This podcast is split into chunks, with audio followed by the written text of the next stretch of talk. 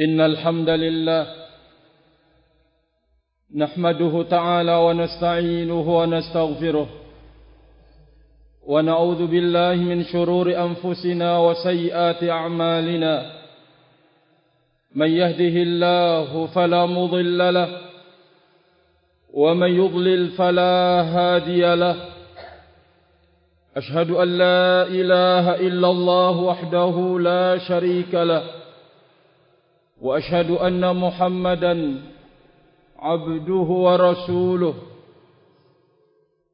قال الله جل وعلا في كتابه يا أيها الذين آمنوا اتقوا الله حق تقاته ولا تموتن إلا وأنتم مسلمون.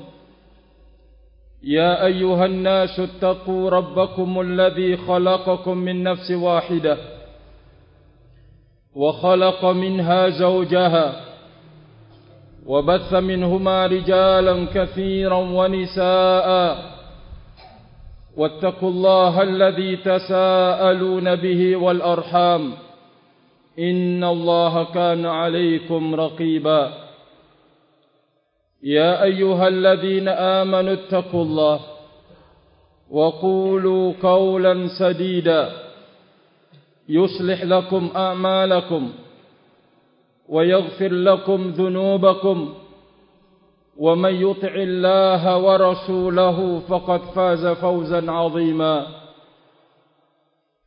فإن أصدق الحديث كتاب الله وخير الهدي هدي محمد صلى الله عليه وسلم وشر الأمور محدثاتها فإن كل محدثة بدعة وكل بدعة ضلالة وكل ضلالة في النار عباد الله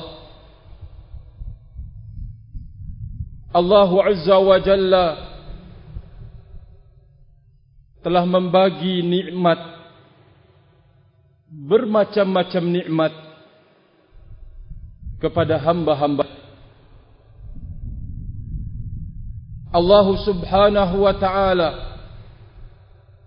menutupi segala hajat mereka baik yang kafir ataupun yang beriman terkait dengan hajat duniawi Bahkan Allah Azza wa Jalla menutupi hajat makhluknya yang tidak berakal. Sebagai gambaran tentang keluasan kasih, nikmat Allah Azza wa Jalla dan rahmatnya. Allah Azza wa Jalla telah memperlihatkan di dalam hidup. Manusia dan bangsa jin yang beragam-ragam tingkatannya terkait dengan nikmatnya. Ada yang Allah Azza wa Jalla memudahkan dan menggampangkan mereka untuk mendapatkan nikmat itu. Ada yang orang yang dia telah berupaya bersusah payah. Lalu dengan itu Allah Azza wa Jalla membukakan rezeki dan nikmatnya. Ada dari hamba-hambanya yang Allah Subhanahu wa taala menyulitkan kehidupan terkait dengan urusan duniawinya. Namun semuanya itu Allah Azza wa Jalla tidak menjadikan sebagai patokan kemuliaan mereka semuanya.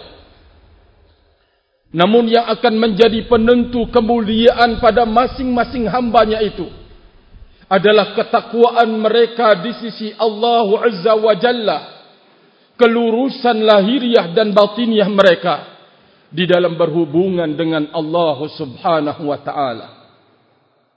Betapa terhormatnya di dunia ini mereka-mereka yang dihormati oleh Allah Azza wa Jalla dengan iman dan takwa. Mari kita dengarkan. Rawal Imam Muslim di dalam sahihnya dari sahabat Abu Hubairah A'id bin Amr Al-Muzani radhiyallahu taala anhu. Beliau adalah salah satu dari sahabat yang ikut bai'atul ridwan. Beliau bercerita sebuah peristiwa setelah terjadi perjanjian Hudaybiyah tidak akan saling serang menyerang perjanjian Ar-Rasul alaihi salatu wassalam bersama kafir Quraisy yang ada di kota Mekah. Ja'a Abu Sufyan. Datanglah Abu Sufyan kepada Salman wa Suhaib wa Bilal mereka termasuk dari kalangan orang yang hidup kekurangan terkait dengan sisi duniawi. Di saat kemudian datang Abu Sufyan kepada mereka di saat itu Abu Sufyan dalam kondisi kafir kepada Allah. Mendatangi ketiga dan beberapa orang fi nafarin kata Abu Hubairah radhiyallahu taala anhu bercerita. Faqalu para sahabat tadi mengatakan wallahi ma akhadat suyufullah unuqa aduwillahi ma'khadhaha menyinggung Abu Sufyan di saat itu demi Allah pedang-pedang Allah ini belum mengambil, belum berposisi untuk memenggal batang leher-leher mereka. Kata para sahabat Nabi Ridwanullah alaihim ajma'in tersebut. Wallahi demi Allah, ma akhadat suyufullahi unuqa aduwillahi ma'khadhaha pedang-pedang Allah ini belum mengambil peluang dan kesempatan untuk memenggal batang leher musuh-musuh Allah. Abu Bakar radhiyallahu taala anhu menyimak ucapan itu. Lalu kemudian Abu Bakar As-Siddiq mengatakan, "Atakulun li syaikh Quraisy wa sayyidihim kata Abu Bakar radhiyallahu taala anhu anda kalian mengatakan seperti ini terhadap seorang yang sudah lanjut usia dari suku Quraisy dan termasuk pimpinan mereka. Kata Abu Bakar As-Siddiq radhiyallahu taala anhu. Setelah itu faja'a. Lalu Abu Bakar As-Siddiq radhiyallahu taala anhu mendatangi Rasul alaihi salatu wassalam fa akhbarahu lalu Abu Bakar radhiyallahu taala anhu memberitahukan apa yang telah diucapkan oleh Salman, Suhaib, Bilal dan sekelompok dari sahabat di saat itu. Abu Bakar melaporkan hal itu kepada Nabi alaihi salatu wassalam. Dengarkan ucapan Nabi kita alaihi salatu wassalam. Ya Aba Bakrin la'allaka aghdabtahum Wahai Abu Bakar Jangan-jangan Ucapanmu ini telah mengundang marahnya mereka. Aghdabtahum Wahai Abu Bakar Jangan-jangan ucapanmu ini Telah mengundang marahnya mereka. Salman Suhaib Bilal Dan sekelompok orang yang menyertai mereka. Ya Aba Bakr La'allaka aghdabtahum. Jangan-jangan karena ucapan ini Engkau telah menjadikan mereka marah Abu Bakar alaihi Abu Bakar radhiyallahu taala anhu kemudian mendengar dari lisan Nabi alaihi salatu wassalam fa in kunta aghdabtahum faqad aghdabta rabbaka. Wahai Abu Bakar jikalau engkau telah mengundang marahnya mereka maka saya khawatir Allah marah kepadamu. Atau engkau telah menjadikan Allah itu marah. Kata Rasul alaihi salatu wassalam la in kunta aghdabtahum jikalau engkau telah menjadikan mereka marah maka akan menyebabkan Allah Azza wa Jalla engkau menjadikan Allah itu marah mendengar kalimat yang besar Abu Bakar As-Siddiq radhiyallahu taala anhu segera melakukan sesuatu amalan dan pekerjaan mendatangi mereka. Lalu kemudian Abu Bakar As-Siddiq radhiyallahu taala anhu mengatakan, "Ya ikhwata, a'aghdabtukum?" Wahai saudara-saudaraku, apakah aku telah menjadikan kalian marah? Apa kata mereka? la yaghfirullah yaghfirullahu laka ya ukhayya tidak kata mereka. Semoga Allah memaafkan engkau wahai saudaraku. Ibadallah. Satu pelajaran yang sangat berharga. Kedudukan mereka-mereka yang fakir dan miskin. Di sisi Allah Azza wa Jalla. Dengan ketakwaan mereka, dengan keimanan mereka, dengan kelurusan mereka, ya ibadallah. Maka Allah Azza wa Jalla melalui Nabi alaihi salatu wassalam mengingatkan kepada siapapun untuk jangan sampai kita mencela, mencerca, menghina, merendahkan karena mungkin dia orang fakir atau mungkin dia orang miskin atau mungkin dia tidak punya apa-apa. Engkau celah engkau hinakan engkau rendahkan dia maka ini adalah perkara yang sangat besar dalam pandangan Allah Azza wa Jalla. Saat ibnu Abi Waqqas radhiyallahu taala anhu bercerita Kuntu fi nafarin. Di saat saya berada dalam sitatun nafar, ada enam orang disebutkan oleh Sa'ad ibnu Waqqas. Saya, kemudian Abdullah ibnu Mas'ud, seseorang dari Bani Huzail, di situ ada Bilal, dan dua orang yang saya tidak mengenali keduanya, kata Sa'ad ibnu Abi Waqqas radhiyallahu taala anhu. Lalu kemudian orang kafir Quraisy mendatangi Nabi alaihi salatu wassalam lalu mengatakan mereka mengatakan kepada beliau Tudni haula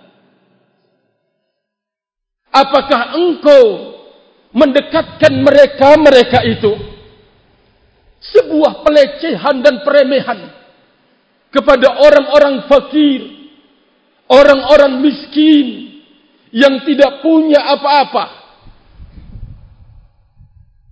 Apa jawaban Allah kata Sa'ad ibnu Waqqas radhiyallahu taala anhu? Di dalam lafaz yang lain Sa'ad bin Abi Waqqas mengatakan utrud haula la yajtari'una alaina Muhammad usir mereka agar mereka jangan berlaku lancang ke atas kami kata para pembesar-pembesar kafir Quraisy itu. Sa'ad bin Abi Waqqas pun bercerita fawaqa'a fi nafsi Rasulullah sallallahu alaihi wasallam ma syaa'a ay yaqa'a fa haddatha nafsah. Lalu kemudian dengan ucapan itu terjadi pada diri Rasul alaihi salatu wassalam. Yaitu ingin mengusir mereka untuk menghormati para penggede-penggede tersebut. Ingin mengusir orang-orang fakir dan orang-orang miskin tersebut. Ya ibadallah. Di saat kemudian muncul hal itu dalam kisah ucapan Sa'ad ibnu Abi Waqqas radhiyallahu taala anhu Allah azza wa jalla fa anzalallah Lalu Allah Azza wa Jalla menurunkan ayatnya. Wala tadrudil ladina yad'una rabbahum bil ghadati wal ashi yuriduna wajha.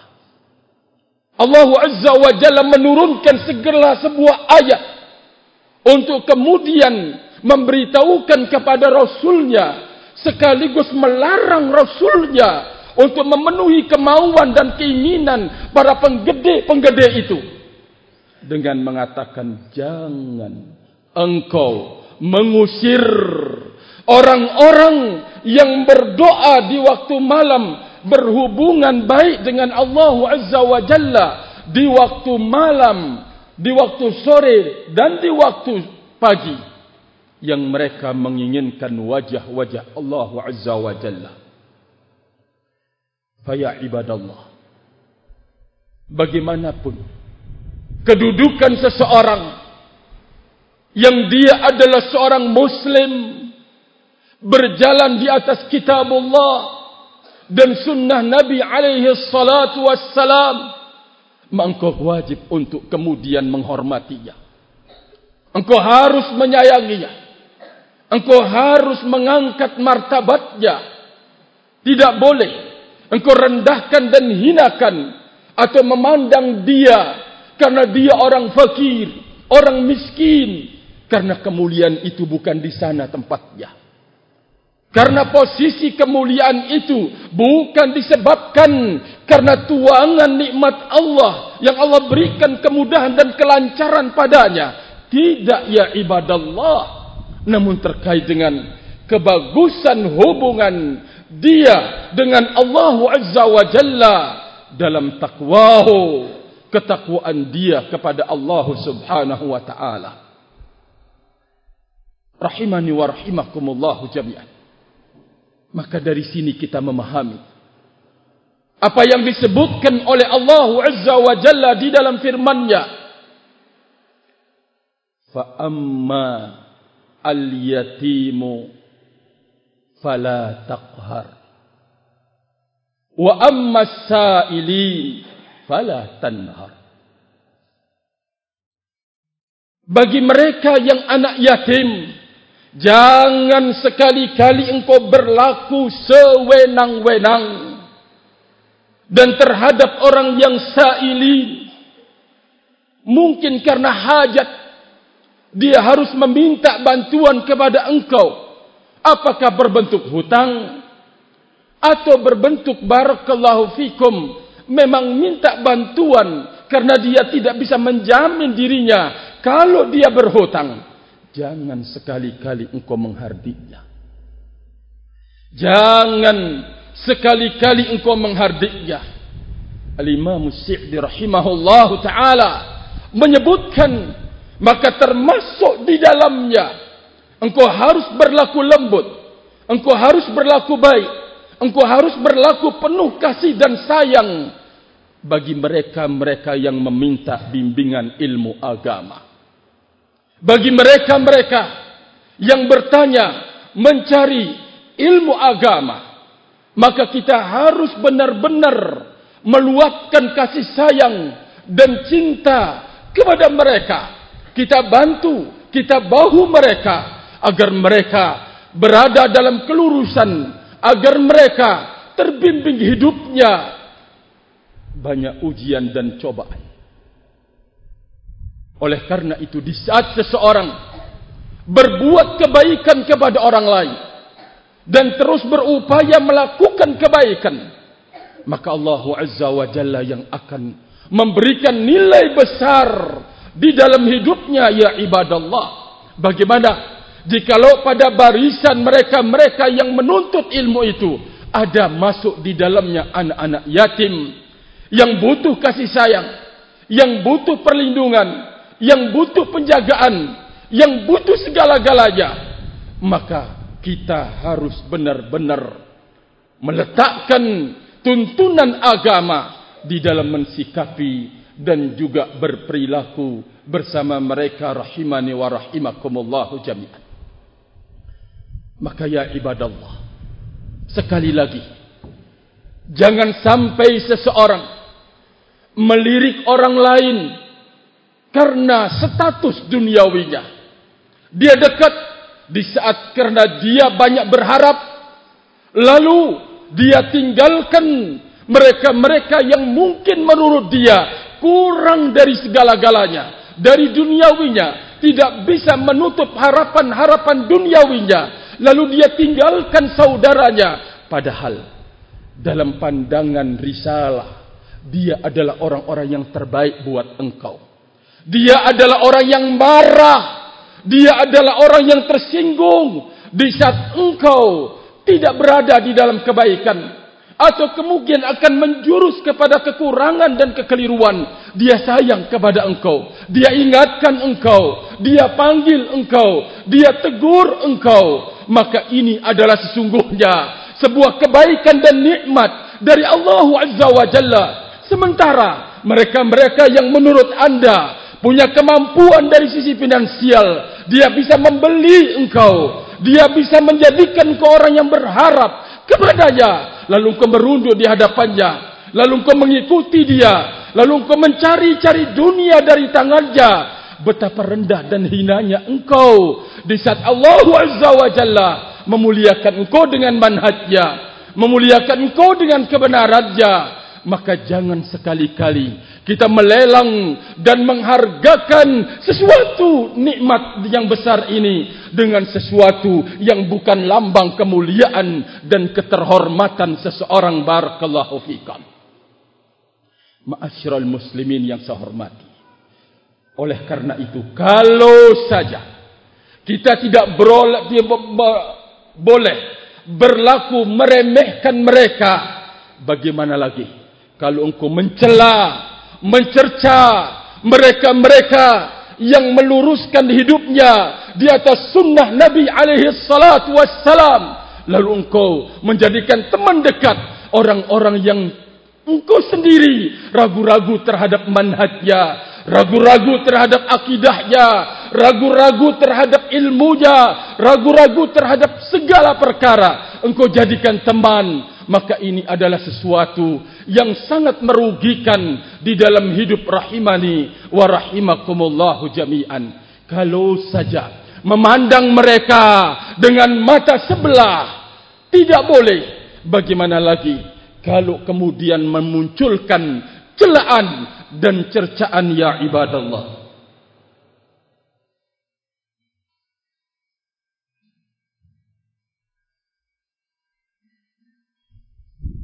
الحمد لله والصلاة والسلام على رسول الله وعلى آله وصحبه ومواله قال الله تبارك وتعالى والذين يؤذون المؤمنين والمؤمنة بغير ما اكتسبوا فقد احتملوا بهتا وإثما عظيما.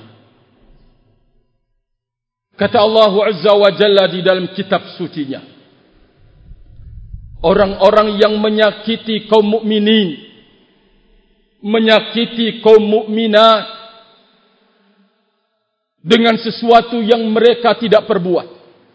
Mereka mengada-ngada, memancing engkau untuk kemudian engkau mau berjalan bersama dia. Direndahkan saudara engkau, dihinakan saudara engkau, dicela dan dicerca maka di saat engkau menerima dengan tanpa engkau melihat dalil-dalil dan buktinya barakallahu fikum maka engkau termasuk dalam golongan orang-orang yang menyakiti kaum mukminin.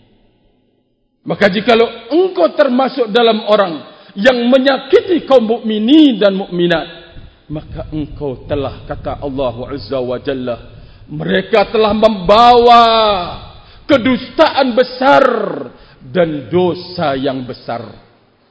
Saya tutup dengan sabda Rasulullah alaihi salatu wassalam sebagai sebuah peringatan dan lampu merah untuk jangan sampai kita berani terhadap orang-orang yang sedang meniti jalan hidupnya memperbaiki dirinya memperbaiki keluarganya Wa Jalla yaqulu Inna Allah tabaraka wa ta'ala qal Man adali waliyan faqad adhantuhu bil harb Barang siapa yang memusuhi yang memerangi di dalamnya yang menyakiti walinya maka aku umumkan peperangan bersamanya kata Allah Azza wa Jalla Faya ibadallah. Maka kita harus belajar di dalam hidup ini. Bahawa kita adalah manusia biasa. Tempat kesalahan dan kekeliruan. Jangan sampai. Kita kemudian tersibukkan dengan aib-aib saudara kita. Dengan tampak kita mau melakukan koreksian terhadap keaib-aib yang ada pada diri kita. Kalau engkau berlaku jujur di dalam hidup ini, apa yang kau tuduhkan kepada saudara engkau, apa yang engkau tempelkan terhadap saudara engkau, engkau akan barakallahu fikum melihat dan memandang, engkau akan berjatuhan padanya. Kita akan terjatuh di dalamnya ya ibadallah. Kalau saja kekurangan itu bahwa kita tidak boleh menjadi penyebab untuk merendahkan dan menghinakan mereka. Bagaimana lagi? Kalau menjadi konsumsi barakallahu fikum setiap orang rahimani wa rahimakumullah.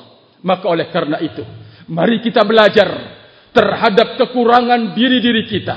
Kita tutupi dan kita membantu saudara dan saudari kita untuk menutupi kekurangan yang ada pada diri mereka. Dengan kita semangat menebarkan sunnah Nabi alaihi salatu wassalam dan memompa semangat setiap muslimin dan muslimat agar terus belajar belajar kitabullah dan sunnah Rasul alaihi salatu wassalam ikhlasan lillahi azza wa jalla dengan memokuskan atau mendasarkan hidup mereka untuk selalu ikhlas di jalan Allah azza wa jalla. Semoga apa yang Allah azza wa jalla bukakan di dalam hidup ini kita mencoba meniti jejak dan jalan ilmu. Lalu kita berbenah dengan ilmu. Menjadi sebuah nikmat. Sampai akhir hayat kita ya ibadallah. Wallahu ta'ala alam bisawab. Wallahu ta'ala alam bisawab. Wa akhiru da'wana anilhamdulillah. Subhanakallahumma bihamdika. Ashadu an la ilaha illa anta. Astaghfiruka wa atubu ilaik. Aqimis salat.